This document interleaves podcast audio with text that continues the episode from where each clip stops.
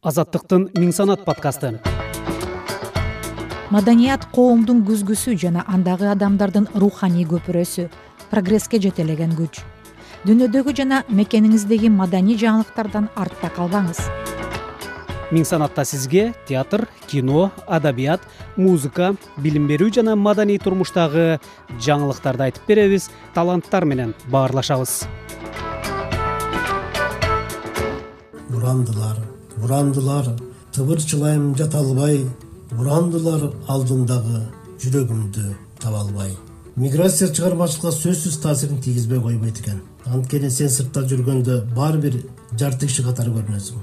Карсы берет жаан аралаш москөөдө сууланышкан чачтарымды тараймын. Бара жатып трамвайда элүүнчү декабрдан арт жагымды караймын. Менин ырларымда ушул жалгыздыкты мекенди сүйүүнү адамды сүйүүнү кусалыкты сагынычты ырдадым эмнени туйсам сезсем ошону ырдадым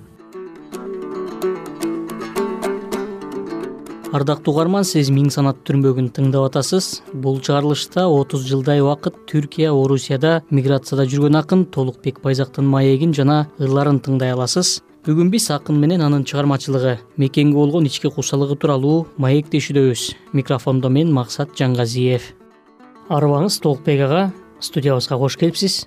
Алгач кепти мына ушул кечээ кыргыз республикасынын улуттук жазуучулар союзу уюштурган сиздин чыгармачылык кечеңизден баштагым келип атат. Бул кандай өттү? Деги эле ички толкундоолоруңуз менен бөлүшсөңүз. Чыгармачылык кечем абдан жакшы өттү десем болот. Ал үчүн бирикменин жетекчилигине уюштуруу тобуна өзгөчө нурлан калыбеков мырзага ыраазычылыгын билдирип кетким келет. Кечеге мен сыйлаган мени сыйлаган урматтуу акын жазуучу агаларым менин чыгармачылык күйөрмандарым мыкты акын жигиттер жана кыздар келип беришти. Аларга да ыраазычылыгымды билдирем. Көп жылдардан бери көрө элек таланттуу акындар менен бир кечеде жолугушуу мени абдан толкундантты десем болот. Алардын маколголук каалоолору дем күчтөрү мени абдан шыктандырды. Ошону улам дагы көп эмгектенүүм керек экендигин туюп билип турдум.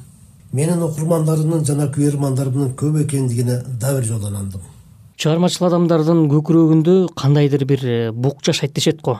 Айрыкча бул миграцияда жүргөн акынга тааныш сезим болсо керек. Себеби мигрант ар убак мекенге болгон сагыныч куса менен жашайт эмеспи. Энем абдан туура айттың мекендин баркын баа баркын чындыгында сыртка чыкканда көбүрөөк билет экенсиң сен айткан куса бук деген баардык мигранттын башкача айтканда ар бир көчмөндүн ичинде дайым коштоп жүрөрү белгилүү эмеспи ал эми өзгөчө чыгармачыл бир кишинин ичинде ал сөзсүз түрдө бир чыгармага же ырларга айланып кетер менин көптөгөн ырларым дал ушул сагыныч толгон куса толгон маанайда жазылган талаш дал ушундай маанайда жазылган бир ырымды окуй кетейин угармандар өздөрү тыянак чыгарышат деген ойдомун. Бул ыр москөөдөгү москөөдөгү жаңы жыл деп аталат. Кар себерет жаан аралаш москөөдө сууланышкан чачтарымды тараймын бара жатып трамвайда элүүнчү декабрдан арт жагымды караймын. Караймын да. Көздөн учкан карааны алыстагы ата журтту самаймын. Өтүп жаткан бул жылды да узатып чачтарымдын ак талдарын санаймын. Санаймын да. Сагындырып ар убак мени күткөн асылдарды аяймын. Жок дегенде көңүлдөрүн көтөрүп ырым менен соорутууга жараймын. Мекен баркын сырттан гана сезесиң мейли кайдан жаңы жылды тоспогон силерге арнап бир чөйчөктү көтөрөм бар болгула менин азиз досторум. Сиздин дээрлик отуз жылдай өмүрүңүз чет жакта өткөн экен. Түркияда эмгектендиңиз орусияда эмгектендиңиз азыркы тапта дагы ушул түркиянын стамбул шаарында иштеп аткан экенсиз анан ушул миграция чыгармачылыгыңызга олуттуу таасир тийгизсе керек. Деги эле бул арада эмнени жаздыңыз? Көңүлүңүз эмнени ырдады? Ооба сен туура белгилегендей менин отуз жылдай өмүрүм жаштыгым чет жакта өтүп калды. Миграция чыгармачылыкка сөзсүз таасирин тийгизбей койбойт экен. Анткени сен сыртта жүргөндө баары бир жарты киши катары көрүнөсүң. Интернетте бир сүрөт көрдүм эле өткөндө анда сүрөтчү тагыраагы бир айкелчи мигрантты ичи бош көңдөй кылып жасаган экен. Ал айкел дагы европанын бир мамлекетинде турат азыр. Мигрант дагы дал ошондой ичи бош жарты адам катары элестетем. Ошондой кабыл алам. Мен өзүмдү ар качан дал ошондой сезип жүрөтүм чынын айтсам. Өзүң билгендей менин ырларымда ушул жалгыздыкты мекенди сүйүүнү адамды сүйүүнү кусалыкты сагынычты ырдадым эмнени туйсам сезсем ошону ырдадым башкача айтканда жашап жүрүп жаздым десем болот. Ал укулуу абабыз ырдагандай мен да ырларымда жалган айткан жокмун. Ага ырларым күбө. Эгемендик мезгилде чет өлкөгө бир топ мекендештерибиз чыгып кеткени маалым. Алардын арасында албетте сиздей чыгармачыл инсандар да көп. Сиз өзүңүздүн калемдештер менен чет жерде да чыгармачыл иш чараларда жолугуп турдуңузбу? Ушул чыгармачыл мигранттар өзүн өнүктүрүүгө убакыт бөлө алышабы чет өлкөдө жүргөн мекендештерибиздин ичинде чыгармачыл инсандар абдан көп. Туура айтасың. Өзгөчө мен көбүрөөк жашап калган орусияда анын ичинде москва шаарында көп деп айтар элем. Чыгармачылык уюмдар адабий бирикмелер иштерин жүргүзүп атышат.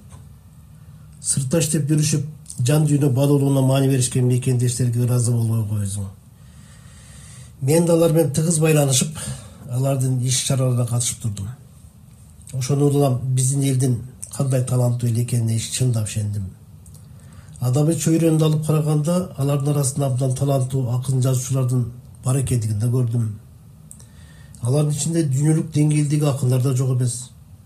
Демек мындай урпактары бар элдин келечеги да кенен бирок бир айта кетүүчү нерсе сырттагы мигранттарга мамлекеттин колдоосу абдан зарыл аларды шайлоо учурунда гана эстештин кереги жок эгер сырттагы элибиздин эртеңкисин сактагыбыз келсе аларга жардам берип эне тилибиздеги бала бакчалардын мектептердин зарылдыгы келип чыгат.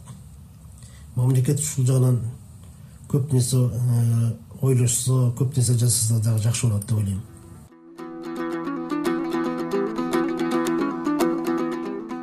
Мына соңку учурда дүйнөдө бир топ олуттуу окуялар орун алды. Э, жер жарылса акындын жүрөгү аркылуу өтөт деген да кеп бар деги эле дүйнөдө болуп аткан абалды калемиңиз мындай кыйгап өтпөсө керек? Туура айтасың эним дүйнөдөгү баардык окуяларга өзгөчө жакында болуп өткөн эле кайгылуу окуяларга акын киши кайдыгер карай албайт экен.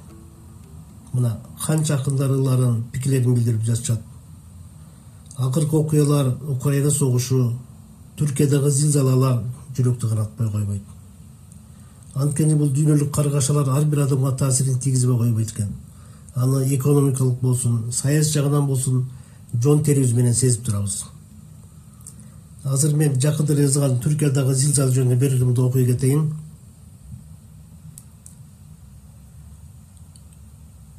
Канча максат күмжан болду? Канча кыял урады? Канча үйдүн очогу өчүп күйбөс болду чырагы? Урандылар урандылар канча өмүр бар жайраган табылат деп тирүү жандар канча үмүт бар байлаган. Урандылар урандылар тыңшайлычы угалы акыретте сурагы бар сынагыбы бу дагы урандылар урандылар жүрөктөрдө уранды ар убакта шыбыраган унуттукпу кудайды зилзаладан урандыдан издей албайм күнөөнү ач көздүктөн кутулбаган накты адамзат күнөөлүү урандылар урандылар тыбырчылайм жата албай урандылар алдындагы жүрөгүмдү таба албай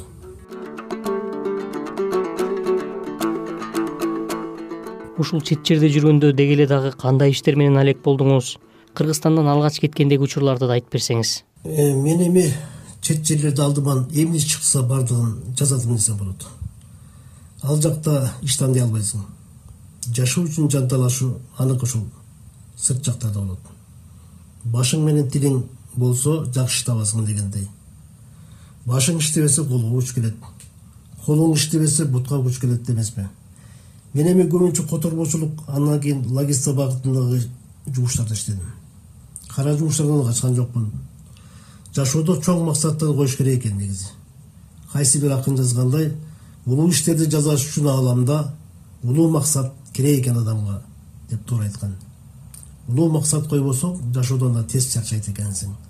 Эми ушул жөнүндө бир окуя кетейин арман деп аталат. Чарпылдым айдыңында өмүрүмдүн чабыттап көктөмүндө көңүлүмдүн чарчадым чындык көрүп чыркыраган чаң басып дээ төккүрүн жүрөгүмдүн. Каржалган жылдар гана жазык болуп кан жолдо жаштыкка да азык болуп канча эшик каккыладым бирок баары калышты ар убакта жабык болуп. Кыялдар мен ишенген жалган болуп кишилер мен сыйлаган балбал болуп кайрадан жан талаштым көөдөнгө касиеттүү арман толуп ак боз ат өмүр өтөт айланганы арыйсың көрө окотко байланганы карыткан адамдарды жылдар эмес карытат ишке ашпаган армандары. Ушул учурларда бүгүнкү күндө сизде эмнелер толгонтууда? Мени жашоодо көп эле нерселер толгонтот. Толгонбогон күнүм жок десем да болот. Дагы көп нерсе чыгарма жаратсам дейм миграцияда жүргөндө аман эсен келишсе экен деп тилейм. Мекеним тынчтыкта кырсыктан алыс болсо деп тилейм. Жараткан кудай мээрим кылып бейбечараларды жетим жесирге ырайым кылса дейм. Адашкандар кайрылып өзөгүбүзгө кайрылып келсек деп тилейм. Толгонуп эле турам ар дайым толгонуп туралы. Толкуну жок деңиз деңизби дегендей дайыма толкуп туралы. Мен ушул тилегим толукбек ага былтыр э, алгачкы жыйнагыңыз жарык көрдү окшойт. Ушул тууралуу айтып берсеңиз бул канча жылкы эмгекти камтыды ичине? Китеп көчмөн дүйнө деп аталат менин отуз жылдык көчмөн жашоомдун жыйынтыгы десем болот. Ушул китепте болгон арманым махабатым кусалыгым сагынычтарым камтылган. Албетте бул китепке баардык ырларым кирген жок. Себеби көбү өзүмдүн цензурамдан өтпөй калды. Дагы иштеш керек деп чечтим. Мен эми буга чейин чыгармачылыкка абдан эле жоопкерчилик менен карап келдим дагы деле карай берем. Анткени менин устаттарым дал ошого үйрөткөн. Дагы бир кызыгы менин устаттарымдын ичинен бир китеп чыгарбай жарыктан өтүп кеткендер да бар. Бирок шедевр ырлары эл ичинде окулуп ырдалып жүрөт. Мына ушундан экен бул тагдыр. Мен дагы ушунча жылдар бою китеп чыгара албай келдим. Анан былтыр бир убайымга бата калып чыгарып коеюн деп чечтим. Эми ырларымдын тагдыры кандай болот ал келечектин иши аманчылык болсо дагы китептер чыгып калат деп ойдо турам.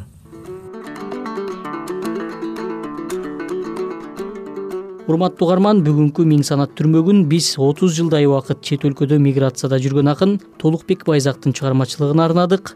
Микрофондо мен максат жангазиев болдум. Кайрадан амандашканча эсен туруңуз. Азаттыктын миң санат подкасты маданият коомдун күзгүсү жана андагы адамдардын руханий көпүрөсү прогресске жетелеген күч. Дүйнөдөгү жана мекениңиздеги маданий жаңылыктардан артта калбаңыз. Миң санатта сизге театр кино адабият музыка билим берүү жана маданий турмуштагы жаңылыктарды айтып беребиз таланттар менен баарлашабыз